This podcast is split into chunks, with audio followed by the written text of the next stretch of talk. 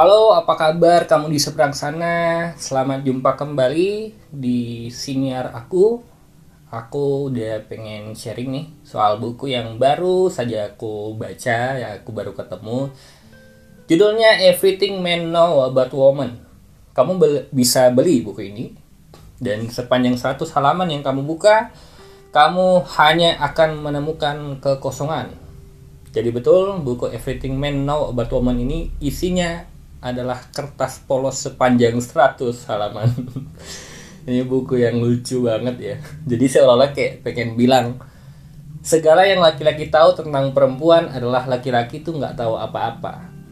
Yang nulis ini juga setauku setelah aku searching eh, dia pakai nama cowok ya, tapi nama aslinya nama penulis aslinya tuh cewek. Dan buku ini uniknya meskipun nggak ada isi di dalamnya 100 halaman tuh kertas polos tapi menjadi buku bestseller di beberapa tempat di banyak tempat bahkan. Dan bisa bertahan panjang umur panjang buku ini.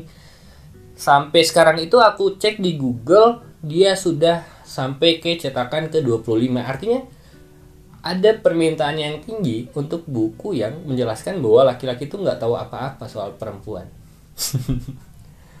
Untuk aku yang pernah belajar hermeneutika dikit-dikit, aku melihat ada seni apa ya?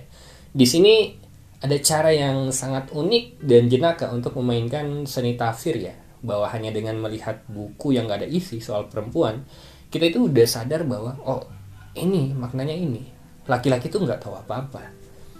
Dalam seni tafsir, makna dia terkandung justru pada sesuatu yang nggak tertulis reading between the lines.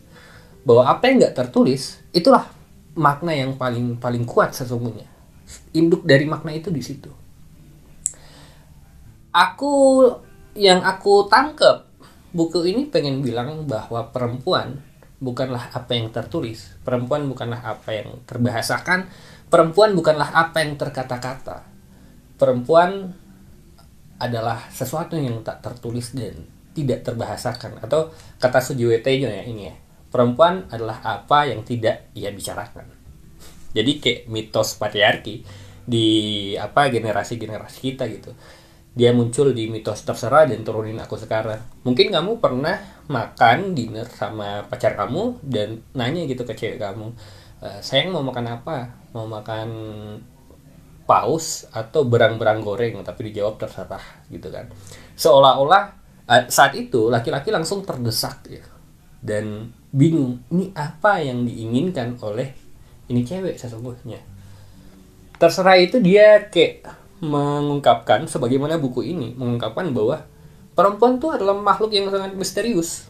Sebagaimana dalam mitos turunin aku sekarang ya yang ketika mau diturunin malah dibantah. Kenapa kamu mau nurunin aku seolah-olah perempuan itu bukan apa yang dia bicarakan bukan apa yang dia bahasakan tapi apa yang tak tertulis apa yang tidak ter ter terkatakan begitu dan memang itu kelemahan laki-laki ya kalau kita lihat juga dari ilmu komunikasi laki-laki itu kalau komunikasi cenderung pakai kata-kata kita tahu bahwa kata-kata itu bukan satu-satunya sumber makna ya. Ada juga gestur dan intonasi. Dan bahkan kekuatan dari makna itu lebih kuat ketika disampaikan lewat gestur dan um, intonasi dibandingkan lewat kata-kata. Uh, jadi itu pendapatku tentang buku ini adalah pengen buku ini pengen bilang bahwa perempuan itu adalah sesuatu yang tidak tertulis. Apa pun yang tertulis itu bukan perempuan, begitu perempuan terletak pada isyarat-isyaratnya, bukan apa yang dia katakan dengan seluruh syaratnya gitu. um, buku ini unik banget ya dan sangat jenaka menurut gue.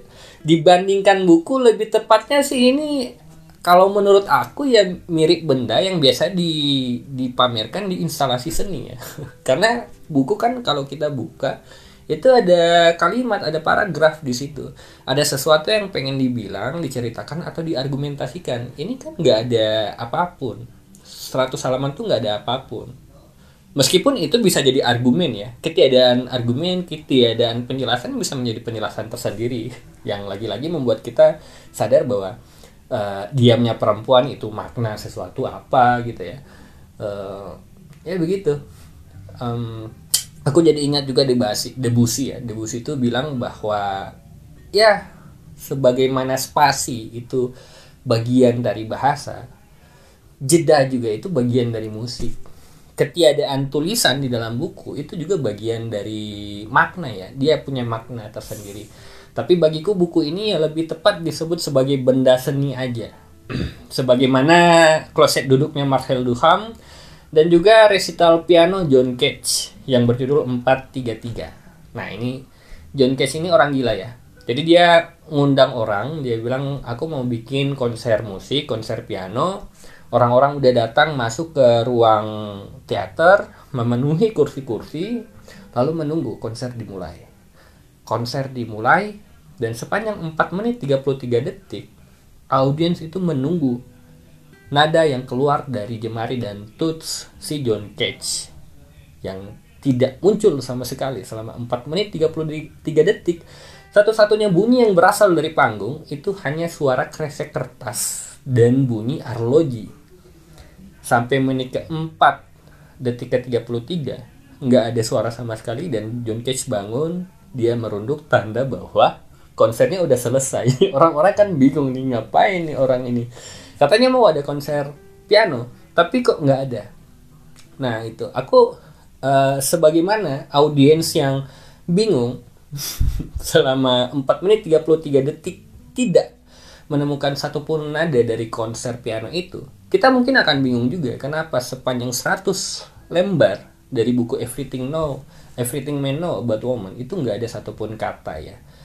Dan banyak pengamat estetika kontemporer menganggap bahwa konser John Cage itu bukanlah sebuah konser musik tapi lebih tepat disebut sebagai pertunjukan teater. Dan aku pun merasa bahwa buku Everything Men Know About Woman ini bukanlah buku melainkan benda yang lebih cocok dipajang di instalasi seni. Tapi kekuatan makna dari buku ini itu sangat sangat sangat mengena ya bahwa perempuan bukanlah apa yang tertulis dan bukanlah apa yang terkata-katakan.